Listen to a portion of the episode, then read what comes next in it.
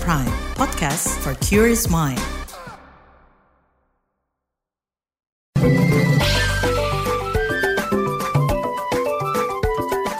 WhatsApp Indonesia.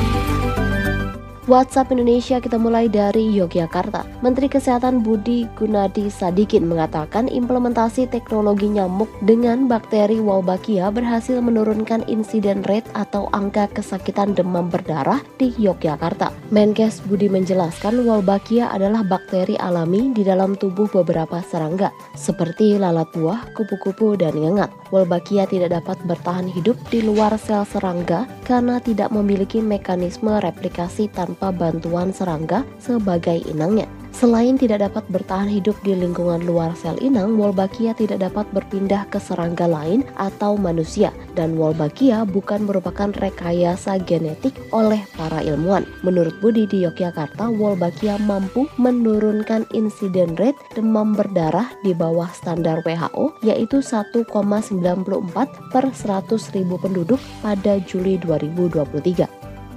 Selanjutnya menuju Tapanuli Tengah, Kementerian Pemberdayaan Perempuan dan Perlindungan Anak Kemen PPPA mengecam keras aksi pencabulan seorang laki-laki berinisial HCP berumur 26 tahun terhadap 30 korban anak laki-laki di Kabupaten Tapanuli Tengah, Sumatera Utara. Deputi Bidang Perlindungan Khusus Anak Kemen PPPA, Nahar, menegaskan pihaknya mendorong aparat kepolisian segera menangkap pelaku kekerasan seksual yang saat ini masuk dalam dalam daftar pencarian orang atau DPO.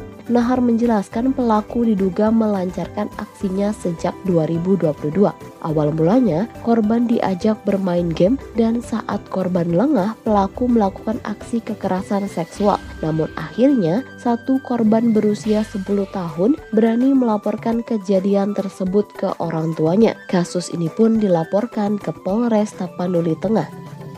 Terakhir menuju Kalimantan, perusahaan listrik negara PLN mengungkap Iconet bakal jadi provider penyedia internet di ibu kota Nusantara IKN. Iconet adalah layanan internet fixed broadband dari PLN Icon Plus. Anak perusahaan PLN itu telah menunjuk Iconet dan Telkomsel sebagai penyedia jaringan internet di IKN. Pihak PLN Icon Plus melihat IKN sebagai kota masa depan yang identik dengan smart, green, dan beauty. Untuk mendukung konsep tersebut, mereka berjanji bakal membangun teknologi dan konsep jaringan terbaik di IKN. Internet akan dibangun melalui perpaduan fiber optik yang terhubung dengan sistem kelistrikan dan teknologi wireless Wi-Fi. Demikian WhatsApp Indonesia hari ini.